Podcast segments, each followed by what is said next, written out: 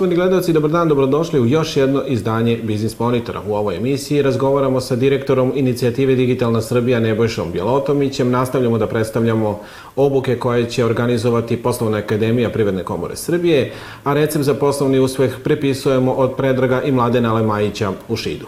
Pa krenimo redom.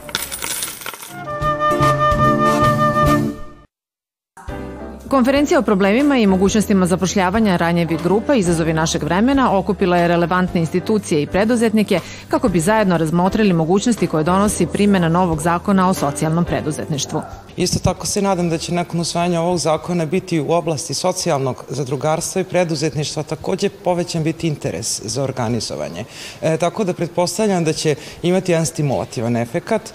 Ovaj zakon u primjeni je od 16. novembra. U toku je preregistracija preduzeća koja imaju nameru da se bave socijalnim preduzetništvom, a kako je poručeno na ovoj konferenciji, podrška im neće izostati. Prvo je završen konkurs koji je pokrajinska vlada bila raspisala od nekih 5,5 miliona dinara, mislim da je realizovano nek, negde oko 2 miliona dinara ovaj, ostala sredstva koja nisu utrošena u ovom konkursu biće prebačena za narednu godinu, a ono što je budžetom za narednu godinu APV-a predviđeno, predviđena su veća sredstva nego što su bila do sada. Na ovoj konferenciji prikazani su dobri primeri iz praksi. Na našem salašu Filipu sve po programima vlade moglo da se radi sem da se dobije hrana za konje.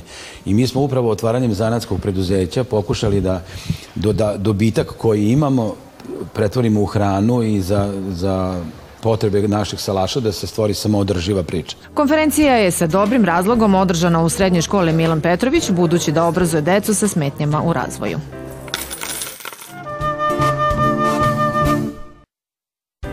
Protekle radne nedelje na produktnoj berzi u Novom Sadu zabeležen je rast količinskog i finansijskog prometa, dok su primarni poljoprivredni proizvodi uglavnom pojeftinili. Na domaćem tržištu zabeležen je negativan cenovnih trend primarnih poljoprivrednih proizvoda.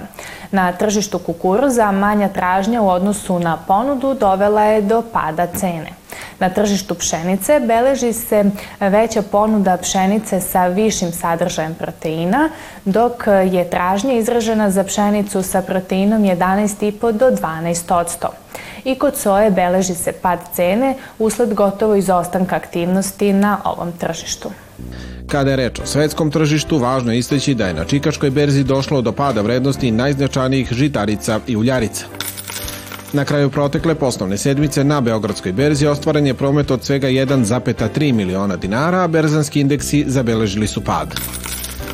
Američka laka i severnomorska nafta kraj prošle poslovne nedelje dočekale su sa padom cene. Od svih najvažnijih plemenitih i baznih metala kojima se trgovalo u svetu, samo je zlato kraj protekle radne sedmice dočekalo sa rastom vrednosti.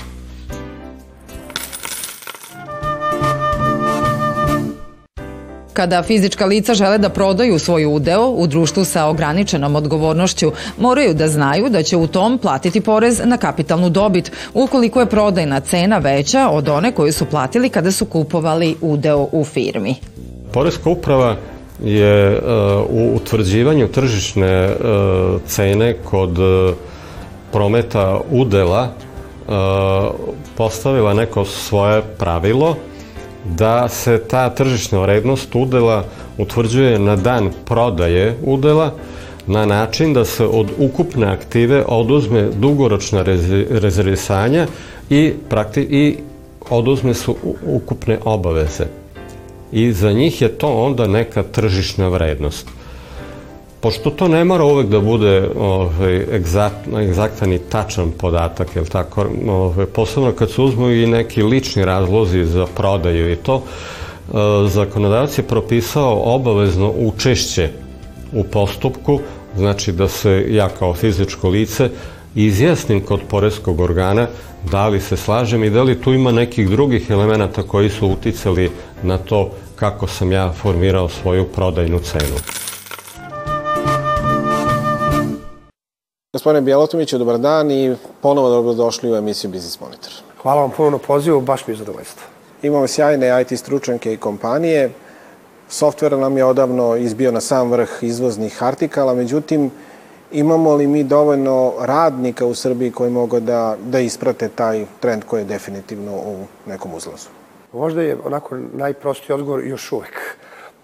jeste veliki pritisak s obe strane, sa strane potražnje IT kadrova i sa druge strane pritisak toga da natalitet nam baš ne ide na ruku, sve nas je manje, to, to vidimo, da sve na manje deci izlaze iz škole i, i, i to je problem.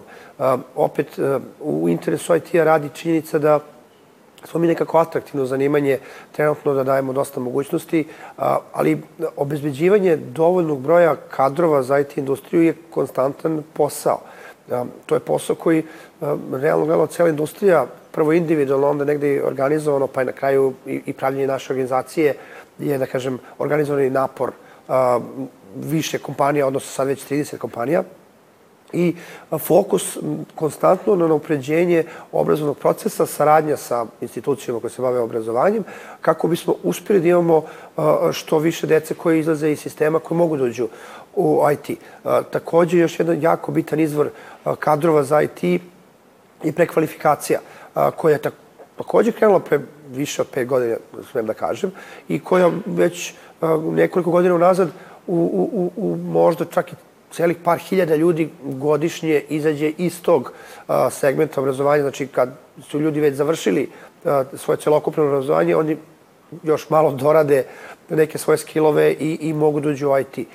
Dok takođe je značajno to što se, da kažem, broj studenta koji mogu tehnički smerovi da prime, odnosno za koji su akreditovani, takođe povećao, tako da na više tačaka u, u celom sistemu je rađeno da mogu, e, da može sistem da izbaci e, još IT kadrova i to je kontinualni proces na kome ne smemo da stanemo da radimo. Kako su nas, starije generacije, roditelji ubeđivali da budemo pravnici ili ekonomisti, tako sada roditelji ubeđuju decu da, da budu programeri jer je tu dobra plata. Koliko je to zapravo pogrešan pristup? Samo programiranje nije za svakoga to je nešto što je naporno, zahtevno, potrebne su određene sklonosti, pomenuli ste matematiku, ima još tu nekih tih, da kažemo, prirodnih nauka koje čovjek treba dobro da razume. Ono što jeste dobro je da svaki učenik treba da razume kako digitalizacija funkcioniše, kako automatizacija utiče na određene poslove.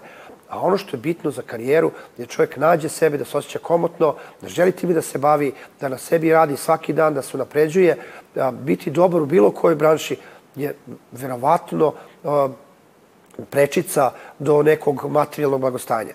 Biti dobar u svakoj branši u današnje vreme podrazumeva da vi imate to algoritamsko razmišljanje. Dakle, dobro je da roditelji insistiraju da, da, da deca budu u trendu i, i, i prate kako savremeni svet funkcioniše. Ali nije ideja da deca sva budu programeri, niti da idu a, isključivo u IT u, u, u nekoj bliskoj budućnosti IT će se stvari pretvoriti ono što on treba da bude, nekog, nekog slugu domenskog znanja koji pomaže da se neefikasne tačke automatizuju i na taj način učine efikasnijim. Korona nam je zapravo pokazala da se mnogo toga može uraditi u procesu digitalizacije, samo o tome ranije nismo razmišljali dok nas e, muka bukvalno nije e, naterala. U tom smislu koliko država prati digitalizaciju privrede? Ne možete proces koji ne radi u fizičkom svetu automatizovati, digitalizovati i očekivati da će on u digitalnom svetu da bude bolje. On će još gore raditi nego što radi u fizičkom svetu. Te uh, jedan, jedan problem koji vidim uh, u procesu digitalizacije koji ide jako dobrim ritmom, kako god ga okrenete, apsolutno relativno okruženju, širem evropskom kontekstu, je da je potrebno možda neke procese pre same digitalizacije optimizovati kako bi oni u tom digitalnom svetu zaista imali smisla i doneli benefita, to je da budu brži, da budu jednostavniji, da, da se lakše dolazi do, do, do usluge. Druga stvar koja je negde potrebna, a, a koja uopšte nema veze sa, sa svetom digitalizacije, a neophodna je za bolje prihvatanje digitalizacije, a to je promocija ono što je urađeno. Ako proverimo procese pre što ih digitalizujemo, učinimo da oni budu optimalniji, a zatim nešto što smo ovaj, digitalizovali, a, približimo korisnicima kroz edukaciju i kroz zagovaranje, onda smo napravili ceo korak. Ove, ove dve stvari su nekako jednostavne, a složene i, i mislim da nismo svi zajedno dovoljno posvetili pažnje tome kao društvo da bismo zaista imali benefit od svega što je urađeno u zadnjih pet ili deset godina. Imamo sjajne primere uh, startapa koji su uspjeli ne samo ovde, nego bilo gde u svetu. Međutim, postavlja se pitanje koliko je taj njihov uspeh zapravo posledica onog što su sami želeli da urade, a koliko je država njima pomogla na neki način da ostvare taj uspeh? Ja zaista verujem da mi imamo dovoljno ambiciozne, pametne ljude da će neki od tih start-upova postati izuzetno dobri, napraviti globalni uspeh, raditi na, na mnogo tržišta, zaposliti mnogo ljudi ovde i to ne samo zaposliti, nego zaposliti u nekim poslovima koji su dobri, koji su izazovni, kako profesionalno, tako i, i, i onako da kažem monetarno zadovoljavajući. Tako da s te strane to je sve jedan timski napor i ako gledamo da je država u, u tom naporu, mislim da svoj deo dobro nosi i svi mi zajedno treba još da radimo i opet to je nešto što mora da bude kontinuirano, to mora da bude stalno. Ne možemo jedne godine reći ovo je bitno pa sledeće tri ne raditi. Vidimo da je velika svetska konkurencija, svi se trude da naprave da inovativne, brzo rastuće tehnološke kompanije budu baš kod njih, da se doseljavaju, da im daju poreske olakšice, da lakše prebrode neke specifičnosti vezane za zakon o radu. Sve to i mi moramo da radimo.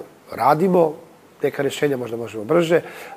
Jedna od stvari kojom treba više da se bavimo, kod nas je veza između akademije i privrede dosta pokidana. Taj transfer tehnologije mora biti brži, mora biti lakši, ne da bude prepreka, nego da bude stimulacija.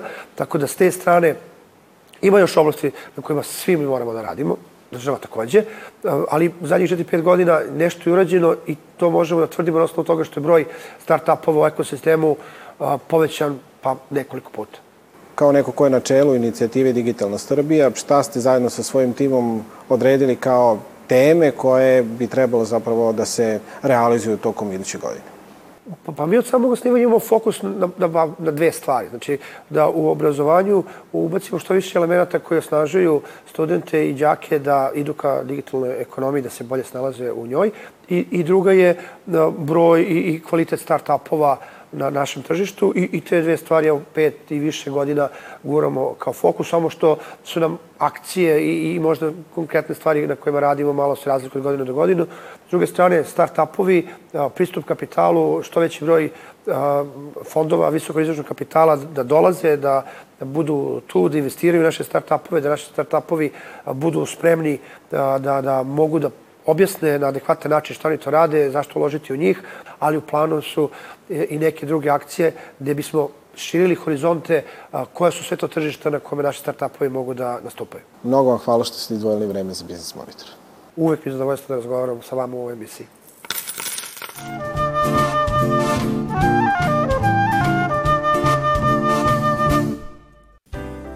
Jedan od najvećih izazova za preduzetnike jeste to kako da izdvoje vreme za neophodnu poslovnu edukaciju, pored svih obaveza koje imaju dok obavljaju svakodnevne poslove. Zbog toga je Privredna komora Srbije pripremila niz online edukacija koje su stalno otvorene, a koje svi zainteresovani polaznici mogu prilagoditi svojim dnevnim obavezama. Mi smo razvili obuke na one opšte teme koje su praktično svima potrebne, a to je Excel, PowerPoint, zatim veštine kao što su asertivnost i upravljanje konfliktima, upravljanje vremenom, osnove engleskog jezika, osnove poslovnog engleskog jezika, ali isto tako i informacijona sigurnost i budžetiranje. Istakla bih da su ove obuke kraće, da e, su napravljene tako da polaznici mogu brzo i relativno efikasno da savladaju veštine na ove pomenute teme i e, još jedno bih podvukla da su one pristupačne ne samo što se tiče načina pohađanja, već i generalno što se tiče uslova pohađanja. Prijave za edukacije mogu se poslati i dan pred njihov početak, a neophodne informacije o uslovima i načinu učešća na svim predstojećim obukama mogu se pronaći na internet stranici Privredne komore Srbije.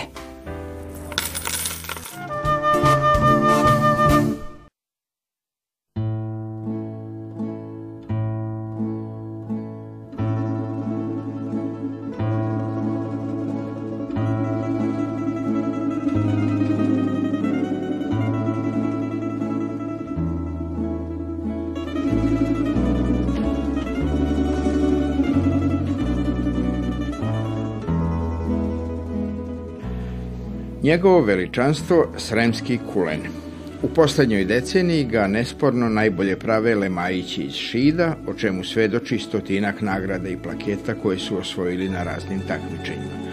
Toliko su dominantni da su kulenijade i kobasicijade izgubile draž neizvesnosti kada oni učestvuju, pa su gotovi da se više i ne takmiče. Porodični biznis Lemajića svake godine teži između 20 i 50 tona vrhunskih mesnih prerađevina, a Predrag, koji je sve i započeo, sve više posla prepušta svom sinu Mladenu, dok treća generacija još uvek stasava. Od Lemajića i Šida danas prepisujemo recept kako uspeti u Srbiji. U preradi mesa Lemajice radi domaći proizvodi od srenske kobasice, kulena, šunke, pečenice, buđole, roštilj kobasice, slanine domaće. Radi se od 20 do 50 tona, zavisi od godine do godine koliko uspemo da, da uberemo žitarica, što kaže, i da uhranimo svinja, toliko napravimo. Ovaj, ima preko 100 sigurno medalja i nagrada. Zadnjih 10-12 godina smo, da kažem, išli na, na, na sva ta neka takmičenja i, i, i svugdje smo za, neke zapažene rezultate napravili. Pa evo, trenutno pravimo, proširujemo kapacitete da imamo uh, dovoljan broj naših grla svinja, znači i ovaj, to je neki krajnji cilj još koji je ostao i, i, i to je to. Sve ovo, naravno, nije od juče. Kada i kako uopšte sve počelo? I da li je uvek išlo sve lepo i glatko? I kako se to uopšte stiže od samog početka pa do ovakve firme baš na dobrom glasu? Počeli smo sa proizvodnjom ovoga 95. godine u malo većoj količini. Pravili smo stalno uvek te proizvode, ali onda smo se odlučili da te naše svinje koje uhranimo preradimo i da i o, što kažemo plemenimo sa još više novaca, da ne radimo za džabe, hrana je skupa, sve je skupo, a taj proizvod smo znali napraviti i to je bila moja ideja još od malena, da ja to radim, međutim, mene put odveo u štampariju, to sam ošao u penziju, ali ovo je uporedo rađeno sa onim. I onda navedeno mi to iskočilo u prvi plan i postalo je glavno zanimanje naše. Išlo se napred stalno, ali bio problem, tu su ratovi bili, mi su onda na granici bili, bilo je svašta. Razumete? Ali ovaj, malo po malo, malo stepenica po stepenica, došli smo tu gdje smo sad. Prvi put smo pobedili u Radiviku 2014. godine sa kolenom. Eto, devet godina pobeđujemo stalno zaredom. Na Šitskoj kobascijadi 14 godina pobeđujemo. I sad smo odlučili više da se ne takmičimo. Ali opet, moje geslo je bilo uvek, kad naprave bolje, nek pobede. To bi ja sam poručio svima. Neki se ljute, neki menjaju komisije, ovo ono, zbog nas sve, ali mi smo tu di smo. Kakav to čovek treba da bude pravi preduzetnik? Neko kaže treba da ima ideju, treba da bude uporan, hrabar, marljiv, da ima sreće ili sve to zajedno. Kako je bilo u vašem slučaju? Da bi bio uspešan preduzetnik morate biti uporni, vredni, marljivi, pošteni i imati sreće. Da bi bili jedan uspešan preduzetnik. U sve je opet potrebna sreća, znači sreća uvek nije na odmet, ali bez upornosti, bez rada, bez marljivosti nemate ništa. Znači ne možete uspeti u, u ovim situacijama, u ovoj okolnosti kakva je trenutno i u svetu i kod nas, znači bez od, od, 20 sati dnevno ovaj, odricanja svega, rada velikog ne možete uspeti sigurno. Koji se načela i principa držite u svom poslu svakog dana? Koji bi to bio recept za poslovni uspeh? Pa da se radi kvalitetno. Sve što radimo da radimo kvalitetno. Da nigdje ne omanjamo. Ni na njivi, ni u svincu, ni u preradi, znači nigdje ne sme da se omanje. Da bi to bilo uspešno, kvalitetno, da bi se do kraja završio proces kako treba i da bi sve bilo zadovoljeno i mušterije i mi, znači sve da bi bilo pokriveno. Znači svako jutro se znači, budimo s tim motom da idemo da radimo, da poradimo šta treba, imamo neke zadatke dnevne i tako da, da kad se to obavi onda smo mirni i znamo da smo radili pravu stvar. Šta je u vašem poslu najteže, a šta opet najlepše? Teško je, treba odhraniti tolke svinje, znači čuvati u životu, u zdravlje, sve to, imamo svoju zemlju, svoje svinje, hranimo sve to i ovaj, to je dosta teško hraniti čuvati, sređivati da, da ono doživi jedno doba, da bude zrelo, da bude ispravno, razumete? E sad ima tu, dosta je to nam olakšano što smo napravili tu klanicu, to je olakšano sve to fizički, šta ja znam, a nema upuštanja ni u jednom delu proizvodnje. Sve to na jedan način ni teško i odgovorno. Najlepše je kad taj rad vi oplodite, odnesete na izložbu tih kulenova na stajam ili novosadski stajam, pa kad pobedite pa dobijete silna priznanja, znači da ste napravili nešto u životu. To je satisfakcija ta Da i marrë, të është i marrë.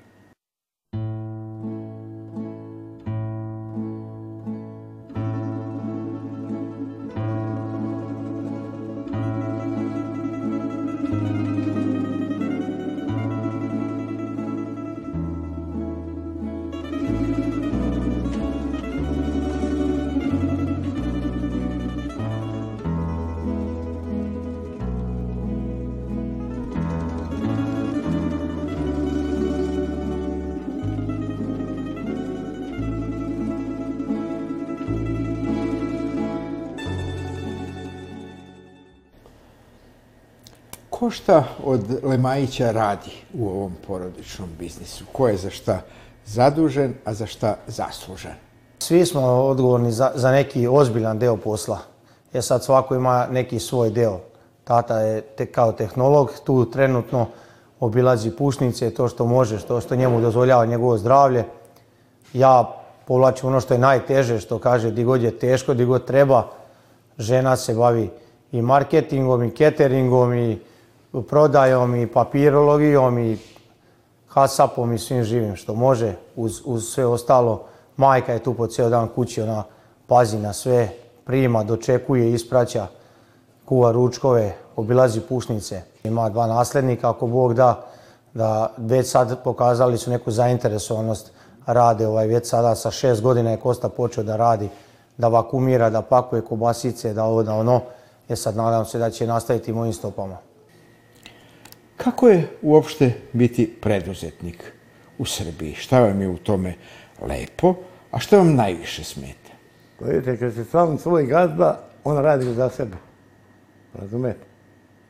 E sad, država je nama dosta pomogla u ono što smo napravili ovdje, što smo radili. Ovaj, pomogli smo i zbog toga što smo takvi vrhunski proizvođači što se tiče kvaliteta toga svega. E sad, ja mislim da bi država trebala još malo te mlade ljude, njima da da vetar u leđa, da im pomogne, da ih pogura i te kuće na selu. Griota, ovakva Srbija, toliko zemlje, toliko proizvodnje i hrane i svega, da se uvozi hrana u Srbiji. Imamo još zdravu decu, pametnu, imamo zdravo meso, zdravo mleko, sve imamo svoje, sam treba to da iskoristimo, to da cijenimo. I na kraju biznis monitora mi uvek pitamo šta je za vas poslovni uspeh, a šta lična sreća? Poslovni uspeh da, da, da se to odradi kvalitetno, razumete? Kvalitetno u svim segmentima posla i proizvodnje rada da se to odradi kvalitetno. Da nemate problema s ovim, s ovim šta je. No. Mi tu preferiramo na taj proizvod da bude domaći, ono najprirodnije kako možemo da uradimo, da to bude najprirodnije. Razumete? A na kraju to daje tu sreću da ti to lepo rade dobro i da su ljudi kvalitetni ovaj, i da je taj kvalitet njih ovaj, kao da kažem, na neki način ozavio kad on to probaju, kad vide kakav je to proizvod, šta je, onda svetni oni i mi. Mislim da je posebni uspeh kad imate kao mi što radimo deseta godina i da deset godina nemate reklamaciju, da nemate nikakav problem ni sa jednim kupcom, ni dobavljačom, ni znači, sa naše strane. Znači da je sve ispoštovano i ja mislim da je to, da smo svi zadovoljni, koliko toliko zadovoljni smo. Znači, ne može to da očekujete, ne znam šta, ipak je to biznis i posao porodični, ali smo zadovoljni, generalno smo zadovoljni, živimo od toga, radimo za to, živimo za to. Pa lična sreća da to nešto što sam kao mali sanjao da sam sad ostvario. To za čega sam se borio cijel život, to sam ostvario. I sad je na meni samo da to prenese na moju djecu, da oni nastavi da radi ko što sam ja radio i to je to. Ja sam svoje završio na tome. Ako oni nastave i budu radili kao ja, neće imati problem.